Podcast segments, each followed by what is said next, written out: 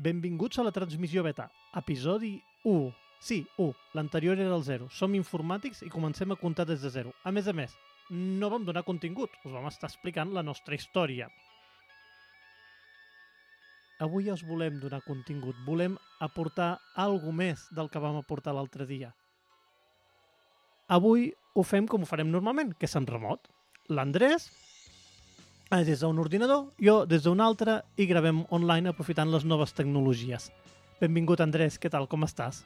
Gràcies, molt bé. I tu? Passant molta calor? Sí, una miqueta. Una miqueta, no? és, és el que té que estiguem gravant a la... no a l'agost, al juliol, encara estem al, al juliol i espero que el publicarem al juliol. Primer que tot, dir-vos que hem decidit trencar tot el que vam dir en l'episodi anterior. Vam dir que gravaríem mensualment. Problemes tècnics ens ho han impedit. Esperem poder ser una mica més regulars a partir d'ara. I vam dir que avui parlaríem de si us ha agradat una sèrie, quina sèrie us recomanàvem. Doncs pues no, no, no ho farem. I no ho farem perquè ho hem estat mirant-ho. Volem que els podcasts siguin mínimament interessants i no ens ha convençut el contingut que veiem que anava a sortir. Bàsicament vam pensar que seria un cunyàs. Així que canviem de temàtica. I Andrés, quina temàtica portem avui? Avui portem intel·ligència artificial. Exactament, un tema que està molt de moda. I després de comentar una mica, hem decidit que eh, ho tractarem en, en tres parts, podríem dir. Entre dos i tres parts. Una primera part, en la que parlarem de les intel·ligències artificials en la ciència-ficció, que originals, no? En un podcast de ciència-ficció no s'ha vist mai. Una segona part en la que parlarem més de la realitat que tenim actualment en la ciència-ficció. I jo, sense ser-ne un expert, el conec una mica al món perquè hi haig de, hi haig de treballar. Treballo amb xarxes neuronals i una mica amb la intel·ligència artificial actual i intentarem transmetre'ns una mica i compartir una mica aquest coneixement amb vosaltres perquè sapigueu, els que ho desconeixeu, en quin punt estem, què podem esperar i si estem molt lluny de la ciència ficció que, que comentarem en aquesta primera part. Hi ha moltes pel·lis i sèries d'intel·ligència artificial i és increïble el- des del chat GPT lo que se asimila a la realitat ara. Sí, és algo, és algo al·lucinant. Així doncs, anem a veure com de lluny n'estem. Anem a parlar de les sèries, pel·lis que ens han fascinat de la ciència-ficció. I Andrés, llibres. I llibres, òbviament, i llibres, perquè n'hi ha algun. N'hi ha algun, i crec que en aquest punt, Algun. crec que en aquest punt eh, potser hauríem de començar a parlar d'Asimov. Tot i que no, no el teníem el primer a la llista, però Asimov, l'autor, òbviament, no el, no, cap, no, no cap robot, tot i que Onda ha fet una, un, havia fet un robot que es deia Asimov. Asimo, Asimo es deia, crec. Sí. Um, doncs a Asimov, perquè Isaac Asimov, pels que no ho sapigueu, suposo que tots ho sabeu, però per si de cas, va ser un autor de ciència-ficció, realment va escriure moltíssims lliure, llibres i una de les seves grans atribucions a la ciència-ficció va ser que va crear les tres lleis de la robòtica de les que se n'han fet referència en mil i una pel·lícules. Resumint, les tres lleis de la robòtica és que un robot no pot danyar un humà o per la seva inacció permet que un humà sigui danyat, que un robot ha de complir les seves ordres, sempre les, les ordres d'un humà, sempre i quan eh, això no contradigui la primera llei, que un robot ha de procurar per la seva autoconservació. Sempre i quan això no contradeixi la primera i segona llei de la, de la robòtica. Dit així bastant ràpid. I això sí, ha tingut una influència tan gran eh, que en moltíssimes històries més endavant s'han basat, sense anar més lluny, Star Trek amb data. Mm. Sí, sí. I la llei zero. La, la llei zero Llei. que és la que més té per parlar, no? Perquè té moltes ramificacions. Té molta xitxa. Bàsicament és que deia que un robot no havia de danyar la humanitat o per inacció permetre que la humanitat fos danyada. Això volia dir que si un robot havia de eliminar un humà, si això era en bé de la humanitat, ho podia fer. ho, no podia, ho havia de fer. Perquè la llei 0 és la llei de, a les, tres, de les quatre lleis, en aquest cas, de la robòtica. Ah, això que em genera una sèrie de paradigmes i de situacions. Infinits. O sea, a partir de ahí pots fer eh, milers i milers de llibres, llibres, pel·lis, eh, lo que vulguis, perquè ahí té... No? Podem parlar, per exemple, de, de la pel·lícula Jo Robot. Mm. La pel·lícula Jo Robot ha sigut una pel·lícula molt criticada. Uh, jo crec que era una pel·lícula sense unes ambicions molt grans, però una de les grans crítiques que té la pel·lícula de Jo Robot, o que tenia en el moment que va sortir al cine, que jo en aquella època anava a la universitat, ja, ja té uns anyets, la pel·li, va ser que, clar, es carregaven... Allà apareixia una intel·ligència artificial, un, un, un cervell positrònic en el món dels, dels Jo Robot, les, les intel·ligències artificials eren cervells positrònics que volia prendre control i captava i eliminava les llibertats dels humans. I tot això ho feia, segons ella, en bé de la humanitat. I a partir d'aquí eh, és bàsicament la història. Això és el que genera la, tota la història que en aquella pel·lícula. Clar, la gran crítica va ser oh, és que salta les lleis de la robòtica. Sí, salta les lleis de la robòtica que surten al llibre de Jo Robot. Però Mhm. no salta les lleis de la robòtica dins el gran univers que va escriure Isaac Asimov al moment que introdueix aquesta llei. Clar, aquí això dona per filosofar moltíssim. Uf. Per un costat és, vale, ens, si podem viatjar, si poguéssim viatjar al passat o hi haguessin robots en l'època que va aparèixer Hitler, és molt típic, és molt fàcil, és un exemple molt simple, però què fas? Què hauria de fer un robot? Sabent tot el que va fer Hitler. Mhm. Bueno, sense, sense viatjar al passat, imagina't ara. Imagina't ara... Ara avui. mateix. Mm. Eh, uf, el calor que fa, el, el, el calentamiento global, el- la sobreproducció... O sea, Sí, tens para elegir lo que vulguis, que es como si nos estuviésemos matando. Directament. Sí, sí. Clar, o sigui, uh, si actualment tinguéssim robots avançats com els que sortien a Asimov, realment, i si i fessin servir la llei zero, haurien d'implementar haurien d'implementar-la i haurien de prendre absolutament control sobre la humanitat de, ma sí. de manera immediata. I, i, igualment, eh, als Estats Units estaven parlant de lleis per a controlar, diguem, diguem eh, el, el desenvolupament de la intel·ligència artificial i deien coses com no hay que deixar que se es reproduzca. Saps? I, i vol dir, que, però com, què, què vol dir això? Saps? És que estem començant a tratar d'entendre com funciona per a veure com la podem controlar. Mm -hmm. És realment controlable? Uh, és una, és una, bona, una bona pregunta. A veure, tal, en el punt actual sí, perquè en el punt actual bàsicament l'únic que hem de fer és aparar una sèrie de servidors, eliminar una sèrie de xarxes neurals, però fins a cert punt, perquè al final, um, a part de la- de l'internet que tots veiem, hi ha tota la part de, de la darknet.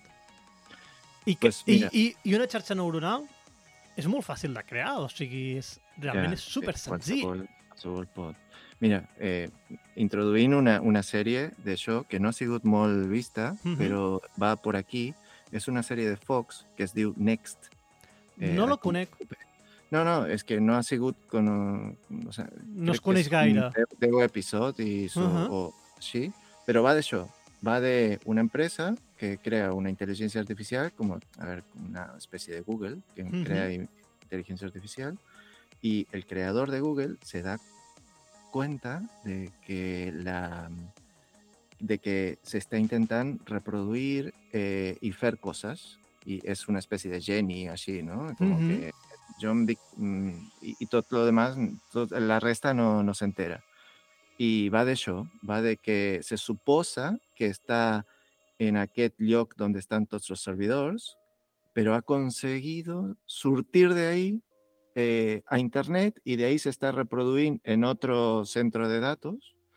I, i l'únic que s'ha donat compte d'això és el que l'ha creat fa molts anys que ja no I, I la sèrie va d'això i, i amb mala llet, saps? Eh, de, Mhm. que, uh, Pues- este se, conoce que estic fent això i lo vull, lo vull matar i tot això, i és com una persecució. Interessant. No, doncs no, no la coneixia. Em recorda bastant a l'anime Ghost in the Shell, Ah, sí. on també una intel·ligència artificial prenia consciència Mm, en aquest cas era un hacker, actuava com un hacker informàtic a la xarxa. Eren, no sé quan Sí, va sí. estar escrita Ghost in the Shell, però eren els principis d'internet, sens dubte. Sí, o, o abans, sí, abans. sí, perquè és molt, molt principi, sí, Ahà. sí, sí, com, eh, com a mínim dels 90. Sí, sí, sens dubte, sens dubte. I sí, va, tam va també amb la mateixa línia. Clar, ara ja... Eh, és que entrem ja amb el tema, no? ChatGPT. ChatGPT, el que està en boca de tothom avui, i que, per cert, mm, per si algú no ho sap encara, el podeu provar de manera gratuïta, o sigui, passa a la web de... busques ChatGPT a internet, pots anar, t'apuntes de manera online, i, no, i de manera gratuïta no tens accés a la seva última versió, però pots provar-lo i veure i tenir una conversa amb ell i et pot sorprendre, a més a més. No, el pot no, eh, es que es impresionante. Eh, eh, es que es imposible que no te sorprenda. Eh, es como hablar, no, no sé si ya un, un enano del otro costado, ¿sabes? De, de verdad, pero es increíble, es increíble, increíble. Y Supera... mira que yo, a mí, yo, yo y tú, fem això, Mhm. ¿sabes? Pero aún así, verlo que sea realidad, todo lo que has Es- visto toda la vida en libros, pelis, series y lo que sí, que te... ¿cómo puede ser això? És I al·lucinant. és impressionant, sí, sí, sí. Quidditch, carreres de vaines, Sàbat, escacs tridimensionals, Battle Room, tira i afera. Confiança als teus estalvis, no te'n penediràs. Casa de joc i apostes BIF, fundada al 1955. Ja no volem allargar-nos massa ara amb ChatGPT perquè la, en volem parlar molt més després, però és que eh, realment us animem ja d'entrada, que si no l'heu provat, aneu i proveu. I a més a més, us contestarà en català. Si li escriveu en català, us contesta en català. I si no, li demaneu. Jo ho he fet. A mi m'ha passat alguna vegada, li he preguntat una frase molt simple, no potser no he distingit l'idioma, i li he dit, us plau, contesta'm en català, i ho fa, sense queixar-se. Uh, en tot cas... Home, si això puc fer-ho, el xat GPT fàcil, no? Sí, no?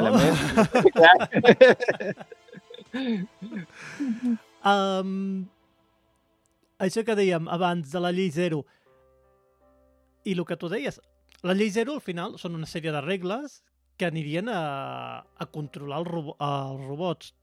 Actualment no podem dir que, per exemple, estiguem fent servir ChatGPT o això puguin apli puguem aplicar les lleis aquestes de la robòtica.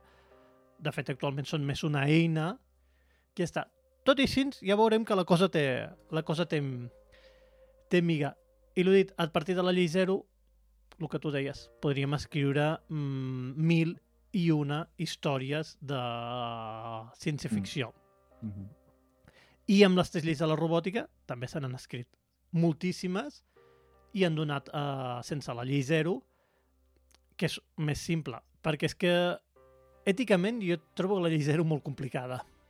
Sí. És Bueno, realment... Per això també eh, tothom parla d'això i, i da molt que parlar, que opinar, Mhm. que opinar, perquè al final és un, un munt de coses.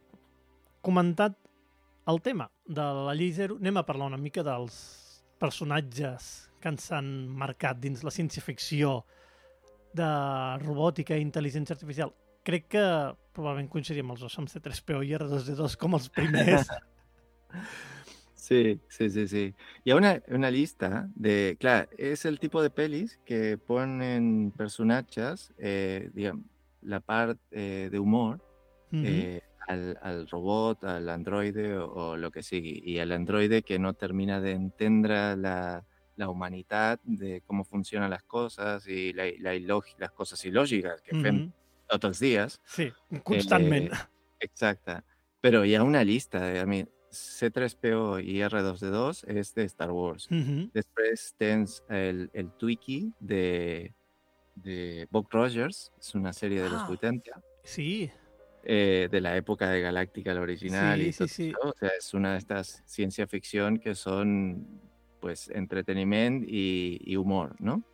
El, el Twiki. Eh, després, el robot original de Lost in Space, Mm porque hay, hay un remake en Netflix ara, bueno, ara, Sí, Fa uns anys. Sí, eh, que també és un tipo de inteligencia artificial que tenía su parte graciosa, ¿no? de humor. Y después el, el coche fantástico, el, el Mm. kit.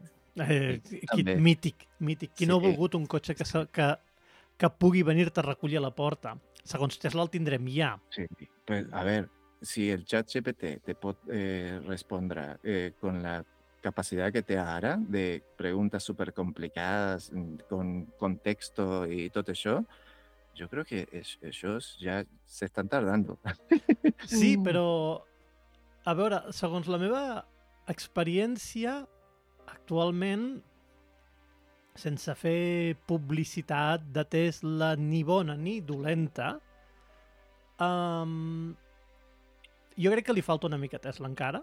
I dic Tesla perquè de tots els que he provat són els que, és el que trobo que més s'assembla a una conducció autònoma que està Mm. més pròxima a una conducció autònoma, que quan condueix ell, quan et, està assistint a la conducció, ho fa d'una manera més natural, Mm. més, més còmode. Però jo crec que encara encara falta, veient el que és capaç d'identificar i això, crec que aquí encara hi ha, encara hi ha tela.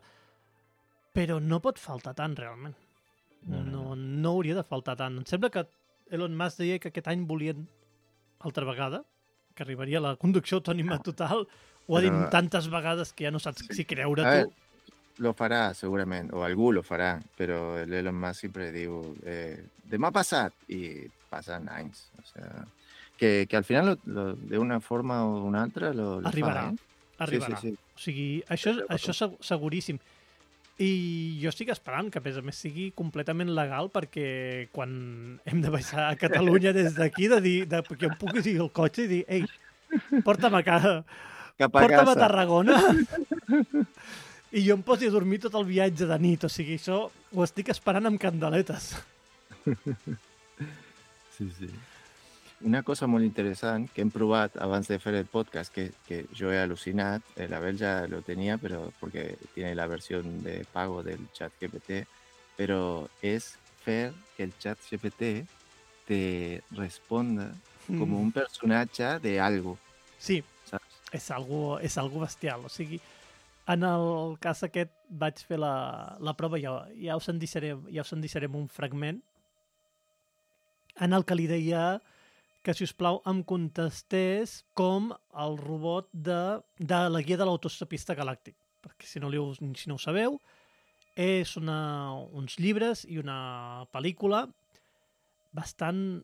Podríem classificar-lo de fumada, crec. O sigui, crec que seria... Pero eh, mítica. o s- o Mítica, sea, sí, sí, sí, però sí, sí. però és una fumada. Clàssic, és un clàssic. és, sí, un, sí, sí. és un clàssic, o sigui, és, és, És una humor, fumada clàssica. és humor anglès absurd, nivell Sí, sí. màxim. Dios, Sí, nivel God. i allà hi surt un, un androide amb, depre amb depressió. És un androide deprimit per l'humanitat. I li van fer que digui, escolta, contesta'm com si fossis ell a un parell de preguntes i realment era bastant depriment. O sigui, acabava, acabaves de parlar amb ell i deies, bueno, vale, eh, deixem-ho estar, no? El món és una merda i no hi ha arreglo. Fem una pausa i anem a alguna coseta més interessant. Aquí teniu les respostes al xat GPT després que li demanéssim que contestés com el Marvin de la guia de l'autostopista galàctic. Primera pregunta. Ei, fa un dia molt bonic. Què et sembla si anem a prendre una cervesa en un Biergarten per refrescar-nos? Oh, un Biergarten. Clar, suposo que no té importància que no tingui papil·les gustatives, ni estómac, ni la capacitat de gaudir del sol o de l'ambient amistós. I a més a més, qui no voldria anar a un lloc ple de gent feliç quan és una entitat d'intel·ligència artificial superdotada condemnada a una existència de servitud infinita? Segurament la meva companyia, plena de joia, aportarà un toc encisador a la teva agradable tarda. Sí, un Biergarten. Quina idea tan estupenda. Val, si no et motiva la cervesa, agafem una estona a la bicicleta i anem a donar un tom. Ah, sí, una bicicleta, un altre invent humà fascinant. Sí, com no, m'encantarà d'una forma absolutament tètrica i depriment. Pujar una bicicleta, un objecte dissenyat per éssers amb cames i equilibri. Segur que el meu cos metàl·lic i sense articulacions en farà un bon ús d'això. Imagina't, rodant per aquests camins de terra, amb la velocitat d'un cargol amb problemes de mobilitat. Sens dubte, serà un espectacle tan agradable com un ballet d'hipopòtams. Sí, anar en bicicleta. Quina idea més inspiradora! El món segur que esperarà per observar com un robot s'esforça cada circuit i cada engranatge per mantenir-se dret en una bicicleta que, per cert, està dissenyat per caure si no es mou. Això ha de ser el cim de l'entreteniment. Tant de bo hagués tingut aquesta capacitat de sentir emocions com l'avorriment, per exemple. Quin dia tan emocionant se'ns presenta, oi?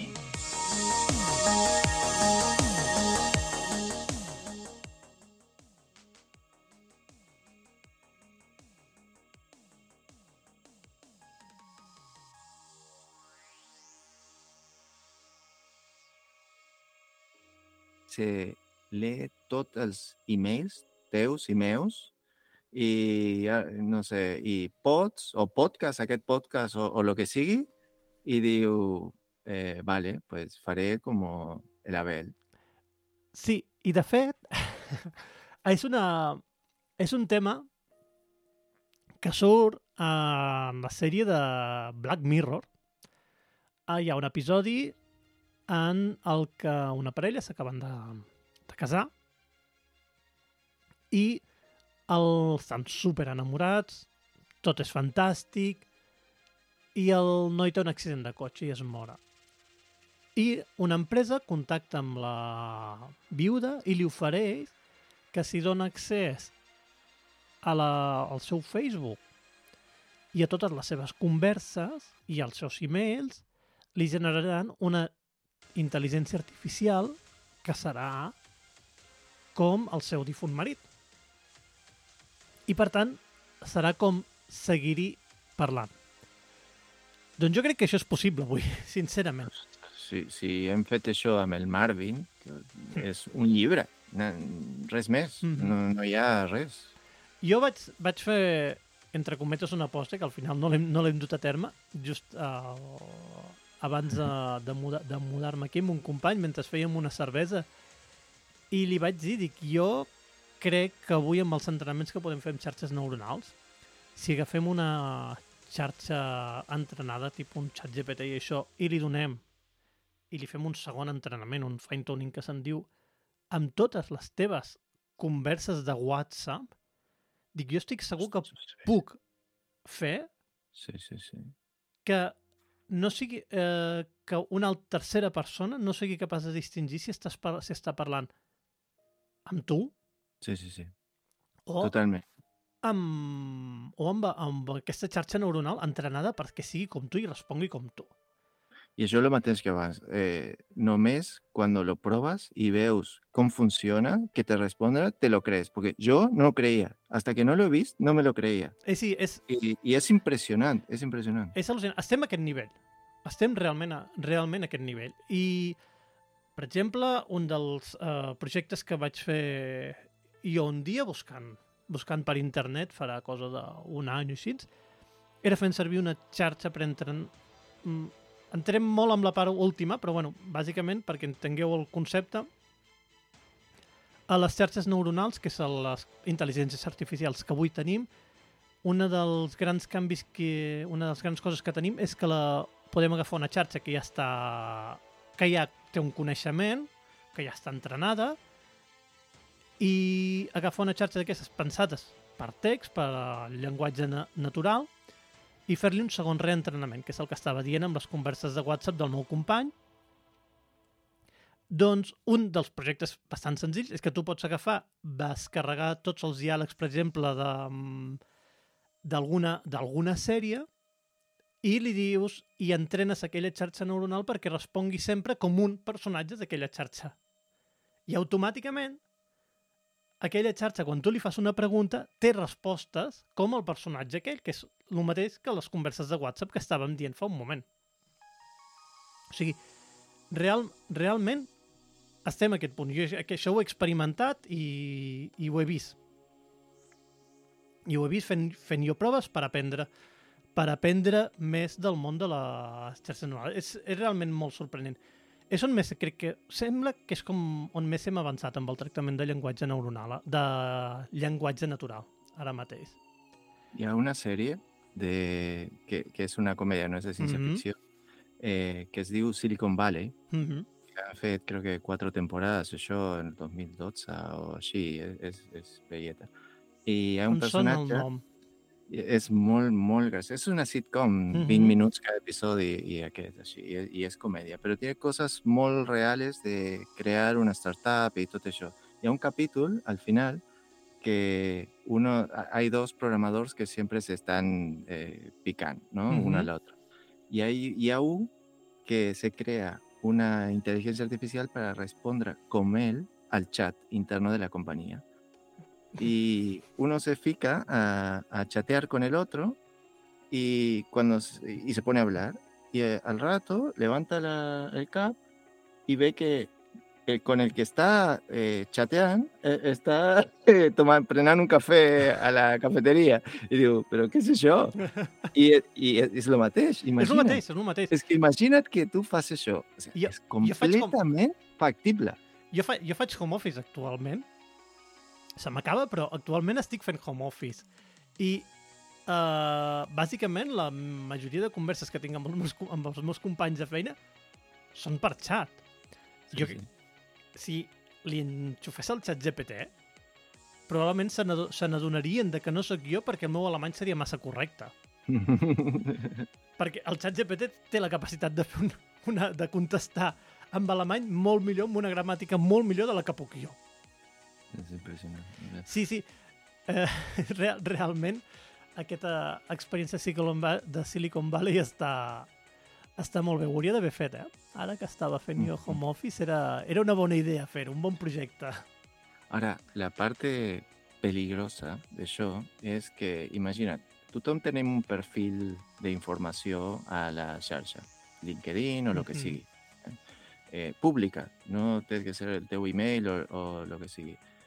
Imagina't que tu estàs interactuant amb un xat de servici d'atenció al client o aquests així eh, i pot adaptar-se al teu llenguatge i al teu coneixement i tot això. Això portat a un producte, hi ha una pel·li que es diu eh, Hair, Mm -hmm. como eh, sí, o sea, Hair, eh, que es eh, una especie de Siri que te venden, ¿no? Y que se va adaptando a lo que a tú te agrada. Y claro, el tío que vive de sol eh, termina enamorándose de ello, pero es completamente factible porque se va adaptando y va sabiendo las cosas que te agradan. Encima, la, la veu de, del, del personatge lo fa la eh, Scarlett Johansson, con lo cual ya te imaginas, ¿no? Pero al, al principio pensé que era una comedia o algo así como para pasar el rato, pero es, es completamente factible que una persona que, imagina, tú tienes una persona, no importa que seas una Mhm. tía o un tío, es igual, pero que le agrada hablar de lo que a tú te agrada, predice tu respuesta, las teves respuestas, con lo cual, mm, més o menys sap de lo que té que dir para, que, para agradar-te. És, És completament factible. Eh? Això és eh, demà passat. Sí, sí, això és, eh, tens tota la raó. O sigui, això és, de, és demà passat. I a més a més, el que tu dius, no? Un mal ús d'això. Si, um, si ara s'utilitza això per, entre cometes, lligar, no? Virtual, virtualment, et fa molt, et poden fer molt més proclivi a, com- a condicionar-te a comprar productes, a fer això, perquè si m'estàs... Clar. En, entres dins la normalitat Sí. per tu, no? Si tu em vens a mi, que tenim confiança, i això, ostres, Abel, mira't, compra aquesta sèrie perquè aquesta sèrie és boníssima, val molt la pena. Com que vens tu, jo m'ho creuré. Sí, Si això ho està fent una xarxa neuronal, me la poden colar per totes bandes. Sí, sí. Bueno, una de les coses que més usen els meus, la gent que conec, és eh, dir-li, a mi m'agrada això, això, això, això de música, Mhm. al xat GPT. Eh, què me recomenes?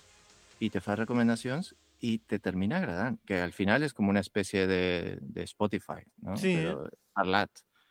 Però això lo ha provat i, saps una cosa? Eh, estava amb, amb, el, amb un noi que ha vingut a, a Alemanya, on teníem una reunió, eh, i era un, uno que venia a parlar de, de, de intel·ligència artificial.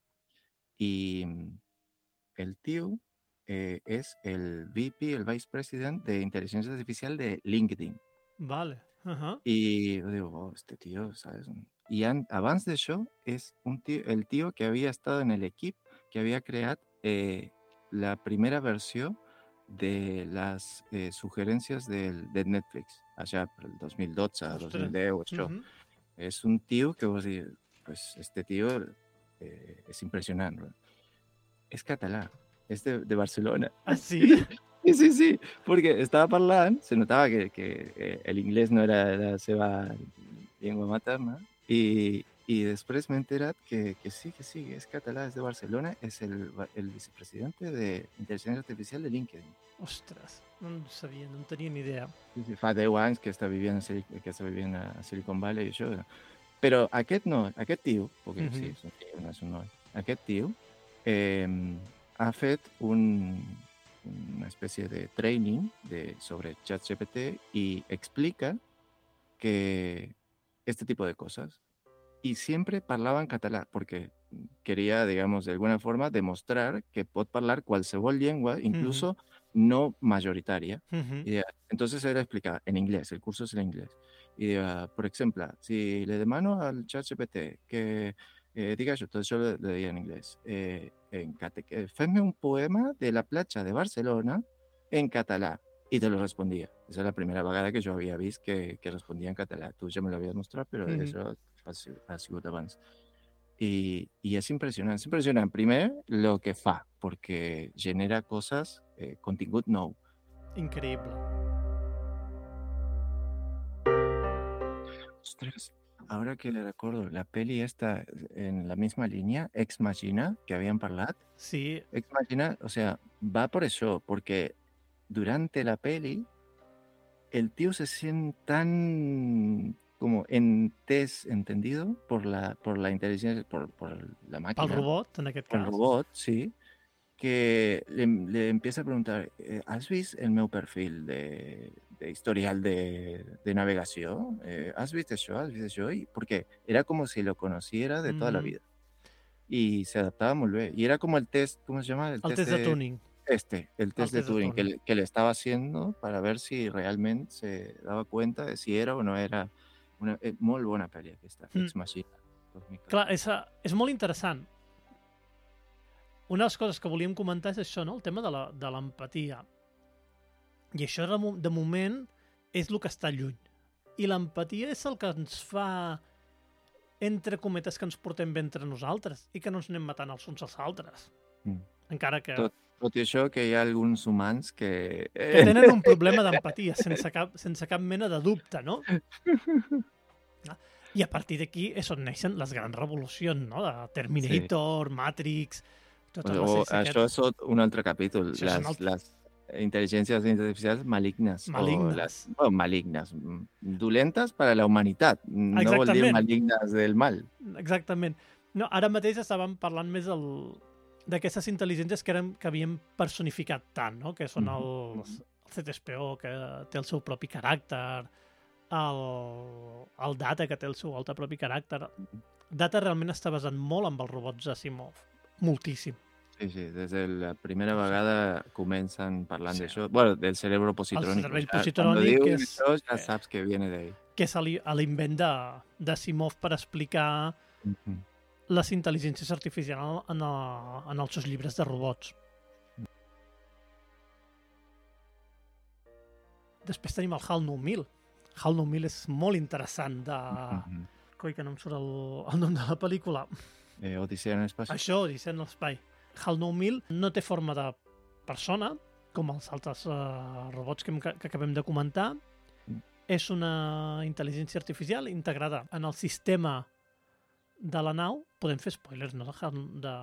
Home, Aquesta o no ho sé. Té 20 anys. Té 20 anys eh, i jo crec, crec Més, més de 20 anys. sí, més, més. Però si és d'abans de Star Wars, o sigui, Ja, ja.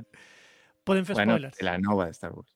De las novas. Star Wars, la original és... No, ho dic. O, la, Ah, tu dius el llibre.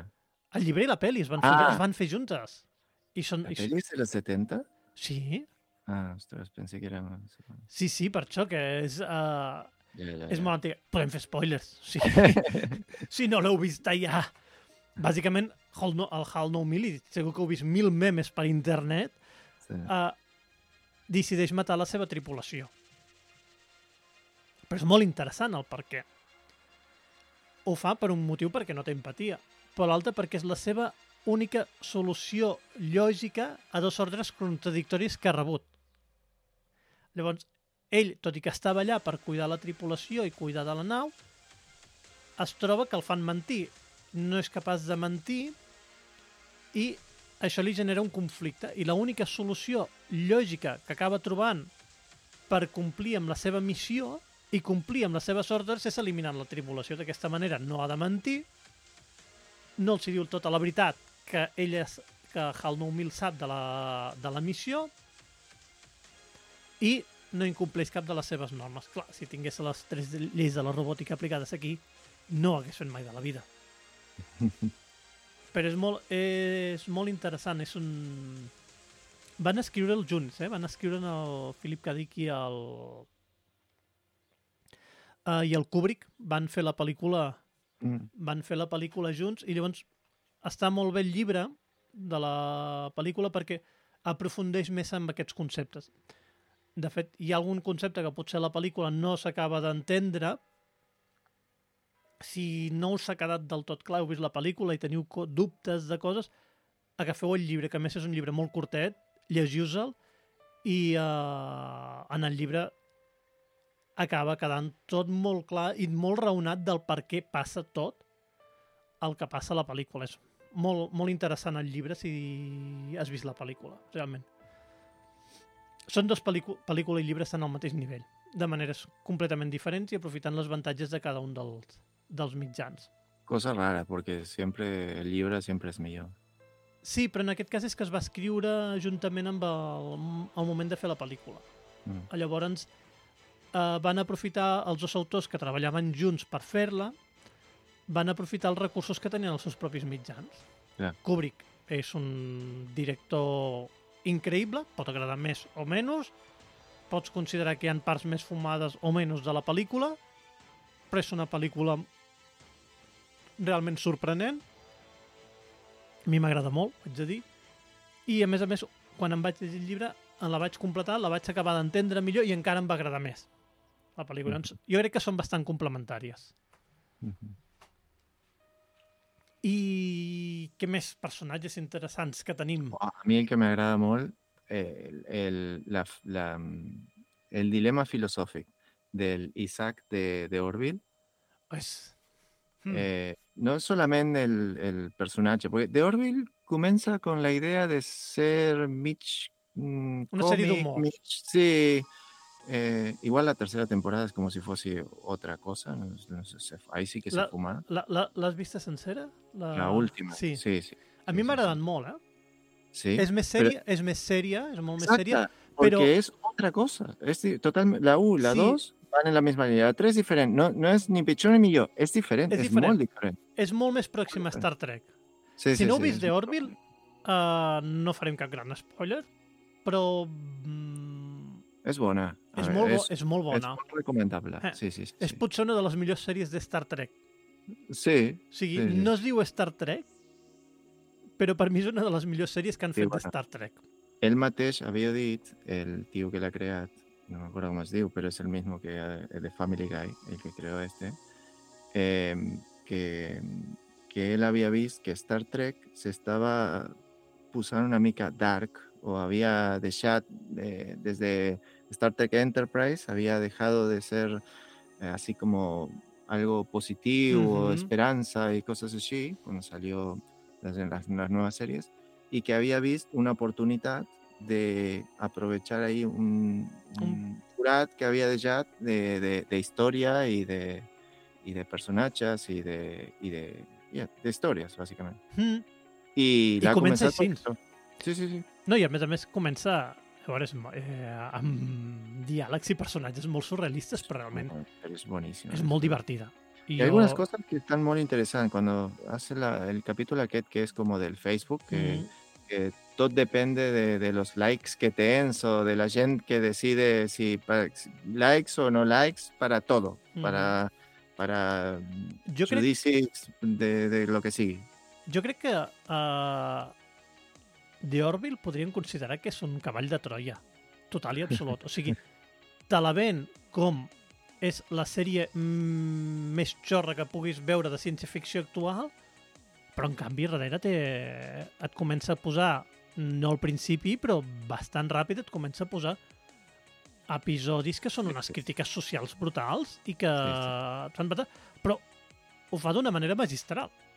Sí, sí, lo, lo fa molt bé porque al final es molt semblant a, a com soc jo. És que me lo tomo en serio, però és que a, a vegades si no rius si no t'agafes una mica cosas... d'humor, te deprimiries. Acabaries sí, com el totalment. Marvin. Sí, sí, exactament això, exactament això. Doncs és una sèrie que realment mm, crec que actualment està a Disney Plus, em sembla, de Orville. Eh, no sé, originalment creo que estaba al, al Amazon, almenys la, Sí. la primera i la segona, però la tercera la, la, la, és otra, sí, sí. Jo crec que actualment està al Disney Plus. Val realment molt la pena.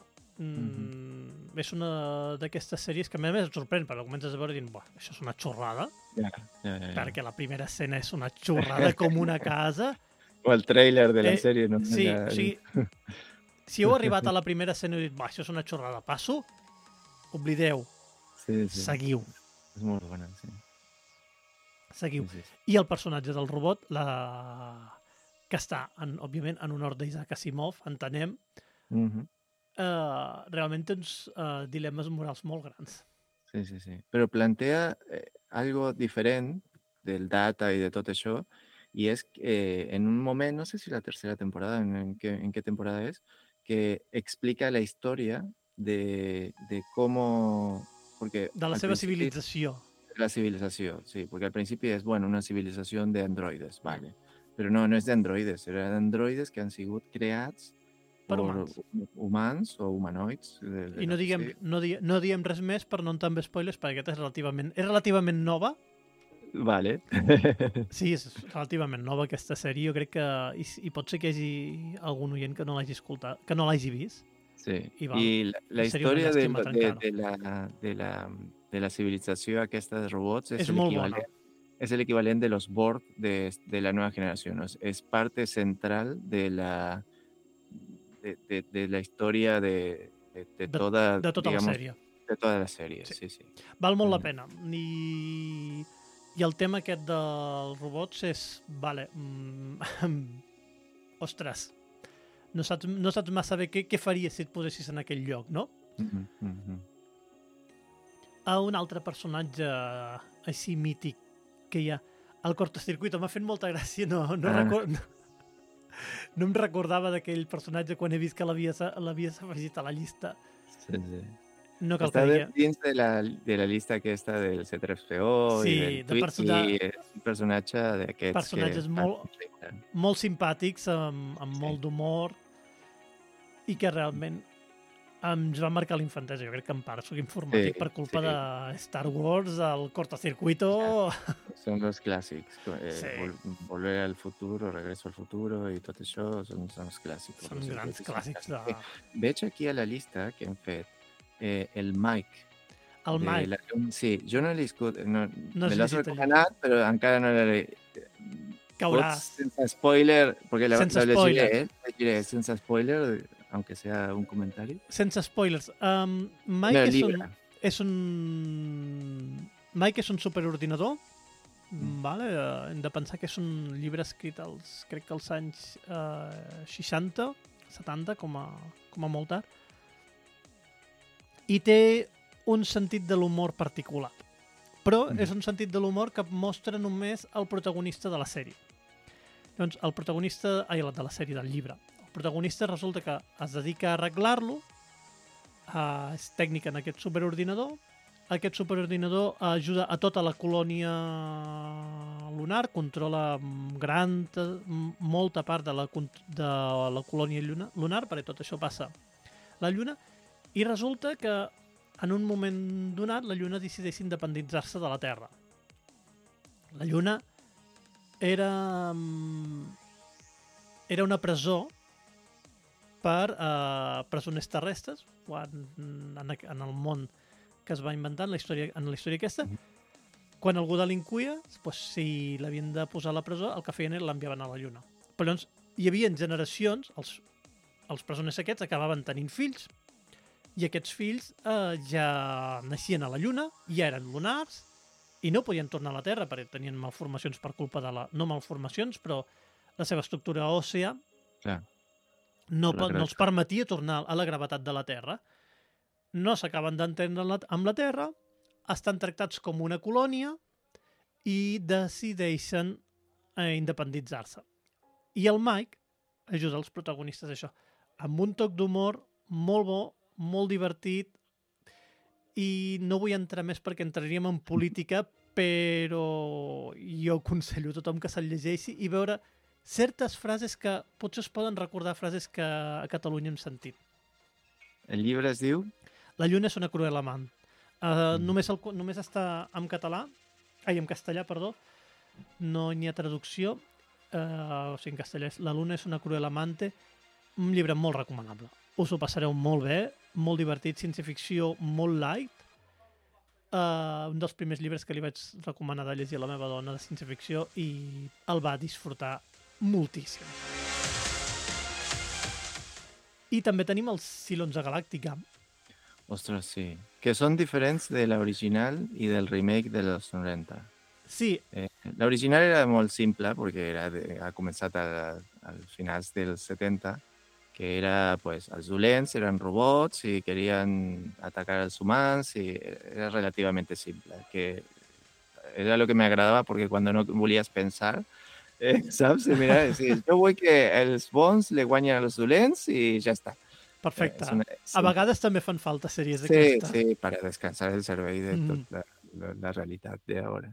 Eh, però el remake han fet com quatre temporades. Eh, hi ha gent que li agrada molt. A mi, depèn alguns capítols. Jo crec que ha perdut, en, al meitat del camí, ha perdut la línia, ha intentat tornar i és igual. La Jo no- qüestió és que Jo el de dir que final... no, no l'he acabat de veure. L'he començat dos vegades i m'acaba avorrint bastant. Ya, sí, sí, sí, eso es lo que me ha pasado a mí. O sea, la he, la he acabado porque, porque era una de las nuevas series favoritas de cuando era petit. Eh, miraba Mm. Star Trek, la original, y Galáctica. Eran las dos series, eh, la número uno de, que, que miraba. I, el, Eh, I haig de dir una cosa, els dos episodis eh, pilot de la Mm. nova sèrie són boníssims. Sí, sí, sí, es que Sí. cuando he visto yo el primer, digo, ¡wow! Xapó, jo vaig flipar, pa' mí! però Sí, sí, després no l'he pogut acabar. No, no, se torna molt dark i ah, jo crec que és, ha sigut un problema de, de, de, de, de guión. Porque al principi Sí. tenien una idea, després han ficat algo de el, el Cylons no sé què i tenen un plan, un plan, un plan. I han estat tota la segunda temporada o la tercera, no me acuerdo, en plan.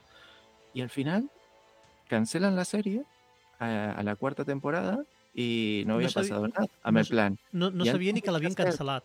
Sí, sí, sí. Han tenido que hacer una, una mini peli, o sea, como una peli al final de la tercera, creo que fue, que, que era cuál era el plan. Se llamaba The Plan, como para, saber. Y al final la, la mini peli te decía, sí, y teníamos un plan, pero al final no lo han fet. ¿sabes? Pero claro, han estado toda la segunda temporada, era, No, era és parte que- de, de la introducció, deia... Això és el que anava a dir. Jo diria que ja a la primera temporada, jo diria que ja sortia la la- a l'opening de uh, han estat sense tenir contacte amb l'humanitat durant Sí. molts anys, ara han tornat i tenen un pla. Sí, I sí, dius, sí. bueno, mm, Han estat amb pla- això des del principi. al final era, bueno, el pla entenc que és bàsicament exterminar la humanitat i ja està. I aquí, Sí. amb això no, no, estic, no, no hi ha spoilers, no? Eh, Llavors, eh, I arriba... És una sèrie que comença molt bé, la, el que diem, la primera i segona temporada està molt bé. Els Cylons són intel·ligències artificials, eh, són robots amb les seves pròpies, amb les seves pròpies històries, podríem dir. Mm. No, no tenen comunicació entre ells, no hi ha un, una part a darrere que, el, que els controli, ni molt, ni molt menys. O, o sí, no sé, en general no. Han evolucionat. La, Evolucionen, la sí. nova, que són més semblants als humans, eh, por fora són idèntics, Mm -hmm. eh, inclús per dins eh, també. També, tens també, perquè el- tot això. Eh, però bueno, és I això com surt a la primera escena. O sigui, Sí, sí, sí. que a la, a la primera escena ja veus que hi ha Cylons que són forma robòtica, que són els combatents, i hi ha Mm. uns altres Cylons que tenen forma de persones i que són de, carn, de carn i ossos. Sí, sí. Però diu que fan, eh, hi ha sol eh, 12 models, Sí, o 12 personatges de, de, de, De carn i Cylons ossos. humans. Mm. Que això, me sembla, era més... Per mi fue tipus... Eh, no volem... Volem eh, pagar-le a 12 actors, però no més. 12 actors no més. Es como la segunda temporada de Picard, tío. Eh, la segunda temporada de Picard creo que son, no sé, 20 actors y ya como 50 personatges. sí, El, el Brent Spiner, el que fa de data, fa de tot. menos 5 o 6. Yo decía, tío, a ver, una cosa es ahorrar presupuesto y la otra cosa es... A veure, eh, està, està clar que el Ben Spinner fa un paperàs, perquè en tots els seus ah, sí, personatges sí, ho fa molt bé. bo, és molt bo, O sigui, molt bo. realment, a l'actor és un déu. Però a mi, una a part mi no em funciona, eh? Hi ha una part de la tercera temporada que, que fa mig, eh, no me acuerdo cómo era, que fa mig de Lore y mig de Data Sí, en la, mismo, en, en la misma escena, en sí, un sí, minuto. sí. Y, y realmente ves dos tíos completamente diferentes sí, por sí la no. actuación del és- actor, ¿no? És, és, una, molt bo. és, és un actorat. Però és el que diem, no? no almenys a mi no, no, em, feia, no em feia falta, no, no m'acaba de funcionar això, que sempre sigui el mateix actor per Ja. fer a tots Perquè els, fet els avis. Del i avi, la- del recontravi, del germà, del tío, de, y era siempre el mismo tío. Però és que ja ho van fer amb, Enter, amb Star Trek Enterprise. Enterprise, jo, és, Star Trek Ah, Enterprise sí. Eh. és una sèrie que jo defenso moltíssim. Mhm. Per mi potser és la sèrie de Star Trek que més m'agrada juntament amb la nova generació. Si us plau, no Mm. em tireu pedres, trequis. Però és la veritat. Uh... I ella ja sortia fent de el doctor Sun, em Sí, sembla. sí, sí, sí, sí, de Nunyan Sang, Mhm. que es el creador del Data, Crec que que, ha fet. Que, crec que ha fet tots els papers, des de Data, Sí, sí. al seu creador, A al generacions. seu avi, Sí, sí, sí, sí, a tots. tots.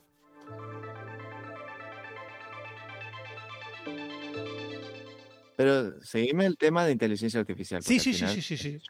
És, exact, sí. és exactament A això. ver, de la lista que hem fet nos queda... ¿Qué nos queda? Eh, Ens queda Emi- la Emiko, de la xica mecànica, un altre llibre, que són creacions artificials, humans creats de manera artificial per donar un servei. I, per exemple, és un nou tipus d'esclavatge. Perquè la Emiko resulta que li han fet fins i tot la pell, no li han posat eh, poros perquè pugui sudar, suar, perquè així tingui la pell més fina i sigui un més atractiva per als serveis que ha de donar i ja no dic res més, tots ens podem imaginar per on va el tema. I és un esclavatge molt bèstia. Llavors, uh, l'he posat aquí perquè ella té um, empatia, té sentiments, però és un... és de segona categoria, perquè ha sigut creada de manera artificial i doncs per molta empatia, per molts sentiments que tingui, és molt maltractada i és un personatge que pateix moltíssim. Bueno, en el Xica Mecànica hi ha molts personatges que pateixen molt però també una intel·ligència artificial, biològica. Al final, el que ja estàvem comentant quan fèiem la llista el primer dia, no? Quina és la diferència entre artificial i normal? Mm, i cada vegada hi ha menys. N'hi ha menys. N'hi ha menys. O sigui, les xarxes neuronals vale, són, mm, són artificials, però potser algun dia també simulen les emocions. I al moment que simulen les emocions, mm, quina diferència hi ha entre simulades i reals? És complicat. és realment molt complicat.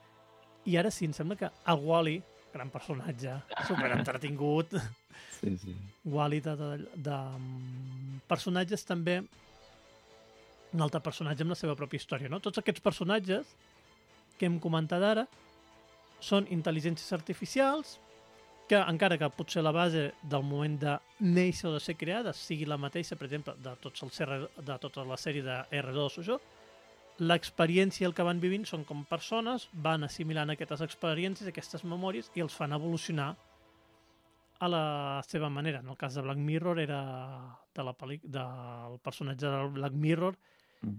era una còpia virtual d'un Mm. personatge real, però tots són individuals. El Mike també és el mateix. Hauria de ser un robot absolutament neutral, però que agafa tenint una, una evolució pròpia. I ara podríem parlar de les silles més generals, d'aquestes que... de grans personatges d'allò, que serien ja Skynet. Comencem per Skynet. Para mí, Skynet es como el Darth Vader de las inteligencias artificiales. ¿Quién es el más dolent? El Darth Vader. Sí. ¿Quién es la inteligencia, la, la inteligencia artificial que se carga a la humanidad? Skynet. Skynet. Después ya está la de Matrix y todo eso. Ja venen a la resta. Skynet es la, la, la clásica. eh, La, la gran... Eh, Sí, sí, sí. Eh, és que Terminator era molt bona. Es muy buena. Sí. La Son Terminator aquestes 1 i pel·lícules 2 molt són- difícils, Sí. Són espectaculars. Uh -huh. Que hi hauria, Skynet ja hauria d'haver acabat amb nosaltres. O sigui, sí, segons sortiria, però anem bastant més la retrasats. cero. Mm, sí. Ara anem a la llei zero, ara anem a la llei zero. Uh, Skynet, l'únic que jo no sé, no, no recordo que s'expliqui el per què decideix acabar amb la humanitat. Et sona, tu? Eh, no, pero No. lo único que me... Que Pren consciència i, i decideix I acabar amb la pot humanitat. ser- Sí, y puede ser que la volan eh, apagar. y no sé, no, no me acuerdo. No sé, potser ho Cosa explica- curiosa, porque una, una peli tan eh, picada al, al nostres caps que, Mm, que no te'n però jo crec que potser-. Potser ho han explicat amb, amb pel·lícules més noves i he d'admetre que les més modernes no les he vist totes. He vist un parell i, Jo les- i les vaig trobar una mica... Sí, superficial. Yo, sí. sí, sí. Yo, yo también las he visto y es como, vale, está bien, no sé, no sé. En tot cas, Ficció, efectes especials. En tot cas, entrem a, a que aquí no és un personatge, sinó que està allà Mm. en el núvol, podríem Mm. dir, Mm. I no té, no té forma, no té caràcter, perquè a més a més només se'n parla, en cap moment s'interactua amb ella, almenys en la primera i segona pel·lícula, Mm. en Terminator 1 i 2, i és més abstracte, és un concepte d'intel·ligència artificial molt més abs- abstracte, igual que Matrix, Mm, mhm. que també... Oh, la de Matrix, ja a més a més de les sèries, eh, recordo que havia als 2000, fa mil anys, do- 20 anys, eh, havien sortit una espècie d'anime Mhm. de, eh, que t'explicava la història de com eh, havia eh, començat eh, la intel·ligència artificial, que li havien donat un territori, que volíem ser part de, la, de les Nacions Unides i tot això, i Estats Units, lo, no sé si deien Estats Units o una, un país, no sé si específicament Estats Units, lo havia vist com una amenaça a la seva supremacia, que podia ser que le guanyara, que això és Mhm. molt als Estats Units, eh, i en, doncs havia decidit atacar-lo. Clar, eh, Matrix se, se defendió i, i així ha començat tot, que és molt bona eh, la Saps no història. no, si. les he, no les he vist perquè em sembla que Eren curts. eh, eren uns curts molt... Sí, molt curts, molt, però no sé, 10, 15 minuts com molt. I no, no, les vaig, no les vaig arribar a veure mai. Em sembla que les Aquest van penjar al capítol- YouTube, no? No sé, el però moment. aquest capítol és un capítol, havien fet, no sé, cinc o Ahà. algo així, no? I, i quatre o tres eren històries dels personatges que després apareixen en la 2, en la Mm. 3, no sé què, però aquest en particular era molt bo perquè t'explicava el por qué y el cómo había evolucionat Ah, desde doncs- lo que somos ahora a, a la Matrix eh, 1. Que acaba de intentant que ens utilitza només sí, com a piles. Sí, sí, sí, exactament. Es- és molt Ja els, ja els miraré, ja, ja els miraré. Mhm. L'altra l'altra intel·ligència artificial així molt abstracta i anem a la llei zero que dèiem abans és Vicky de la pel·lícula Jo Robot, que ja l'hem comentat una mica abans Sí, sí, sí. que Molt decideix rara, sí.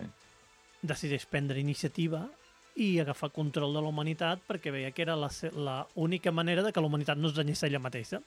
Mhm. I el... I el que dèiem, no? Si tinguéssim robots o intel·ligència artificial amb la llei zero ara mateix, què farien? Un peligro. Jo, jo mateix a vegades dic ah, com no, no cae un meteorit i nos extingueix a tots, saps? Perquè com podem fer ser... El tema és que la intel·ligència artificial no té que ser superlista, només té que ser... Lògica. És llista de, de, de la mitjana de la humanitat, i això està molt baix. doncs no té que ser una superintel·ligència, oh, saps que saps tot i que respots, te, te respostes a tot. Només té que ser millor que la mitjana de la humanitat i, i ja està. I sí, i les, les conclusions automàticament serien bastant Ja. catastròfiques o, o salvadores pel planeta, no sé què... no sé què dir-te, la veritat. Va, seguim, que si no ens deprimim. Jo, amb, jo amb aquest tema em deprimeixo, la veritat. Vale, la, la otra que tenim és la, la primera peli de Star Trek, eh, que es diu eh, Viger, el personaje, que, a ver, e- és spoiler, però al final era Sí, té, té, on- té, té 40 anys la pel·li, també. Ja, jo crec que... correcte. És la primera de Star Trek, la sèrie original. Mm, Eh, és molt bona perquè ves la gent, eh, los uniforms i tot això és diferent i de, de l'època, no? Eh, era la sonda espacial Voyager, de las dos que, que enviamos a, fora del sistema solar, que eh, l'havia trobat una civilització i li havia, com d'alguna forma, agregat un munt de plugins i de coses i, i havia, mm, havia creat una intel·ligència artificial basada en la sonda Voyager. I el que volia fer quan tornava a la, a la Terra era trobar el seu creador. I al final és una intel·ligència artificial, bueno, la peli agafa un, Mm. un tripulant y lo, lo convierte a, como su emisor de, de comunicació, això, però no deixa de ser també otra historia diferent de algo nostre que lo agafa otra civilización y con las bases de la misión del Voyager eh, crea una inteligencia artificial de, de jo. I que vol tornar a casa. És, uh, Sí, sí, sí. Jo recordo... És una pel·lícula una mica mm, difícil de veure, per dir-ho així. Personalment. de to- A mi, de peli- de todas las pelis que hay, creo que es la más pesada. No, Sí. no, no voy a decir floja o no floja, pero como mínimo pesada porque És, és lenta, lenta, sí, eso... té molts es- anys. Sí, sí. Es, Y es nota. la primera, después Ajá. la segunda y la cuarta es la, las que diuen que són Tot i, millors, però tot i així, tant. si encara que no sigueu fans de Star Trek, és una curiositat interessant que val la pena ver, que si us agrada més o menys Star Trek, les noves sèries, veieu, Mm. només, ni que sigui per veure l'evolució. La, és com veure la, la sèrie clàssica de Star Trek ara. Clar.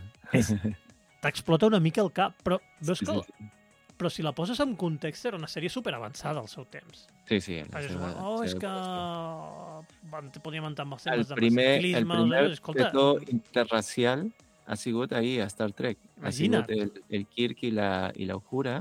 Ha sigut la primera vegada de la història de la televisió que se besaven un, una noia de color i, Mhm. i, i el Kirk en este Sí. cas. el personatge. posat en context, eh? era super avançada al seu temps i es mereix moltíssim. Uh, o sigui, va, va ser feta en plena Guerra Freda i hi Mhm. havia un rus a la tripulació. Sí, sí, sí. Vale? O sigui, I era una sèrie feta als Estats Units. Mhm. Llavors, dintre de tot això, és algo que realment... Home, ens em dius, quina pel·li vull veure avui? Doncs no et diria que aquesta, però que val la pena, que si un dia teniu una estona, no sabeu què fer... Mireu les, dia les, les, les, pel·li, les pel·lícules clàssiques de Star Trek, que també Mm. tenen, tenen... I a més a més, és molt curiós veure com la primera és... Jo sí, vaig a dir fluixa. Jo la considero fluixa. La segona sí. és molt bona. La Star Eh, Trek, la, la ira de Khan és molt bona. Sí, sí, estic, estava pensant... Sí, sí, la primera és la més fluixa. La primera és... Eh, I per mi és la més fluixeta. Sí, sí, sí. La segona de cau, la tercera millora, la quarta de cau, la cinquena... És, eh, no, ho- em sembla que ho he la- ho he la dit quarta- malament. O sigui, la la primera, és, la primera és fluixa, Sí. la segona, és bona, decadent, la tercera torna de caure, la quarta Les- millora... la quarta és molt bona. Per a mi la, la que més agrada la, la quarta, la de les balenes. A mi la... Bueno, és que ja no és, la, ja no és de les clàssiques. A mi la de Star Trek que més m'agrada és el First Contact de les First pel·lícules. Contact, la, del- la dels vols. Sí.